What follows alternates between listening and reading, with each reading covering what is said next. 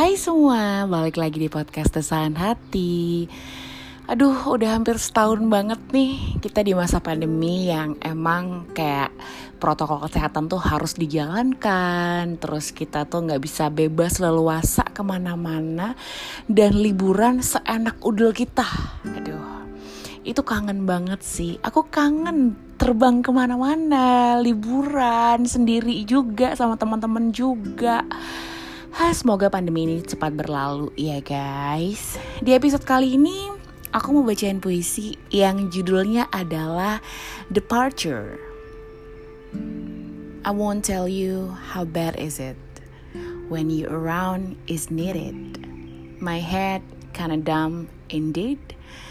Surprisingly, you're not excited.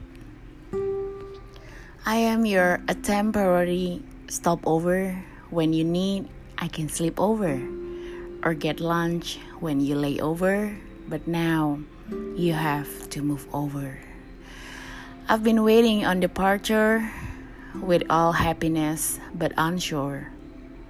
Hugging you, but I'm still insecure. You're not mine, and it's a torture. Hmm, puisinya tuh berkenaan tetap dengan semacam penerbangan-penerbangan ya. Jadi kita nunggu di keberangkatan, ketemu sama dia. Udah kayaknya udah kerinduannya tuh udah kayak numpuk banget gitu loh. Tapi sayangnya dia itu bukan milik kita. Jadi ya cukup disimpan di dalam hati aja kali ya.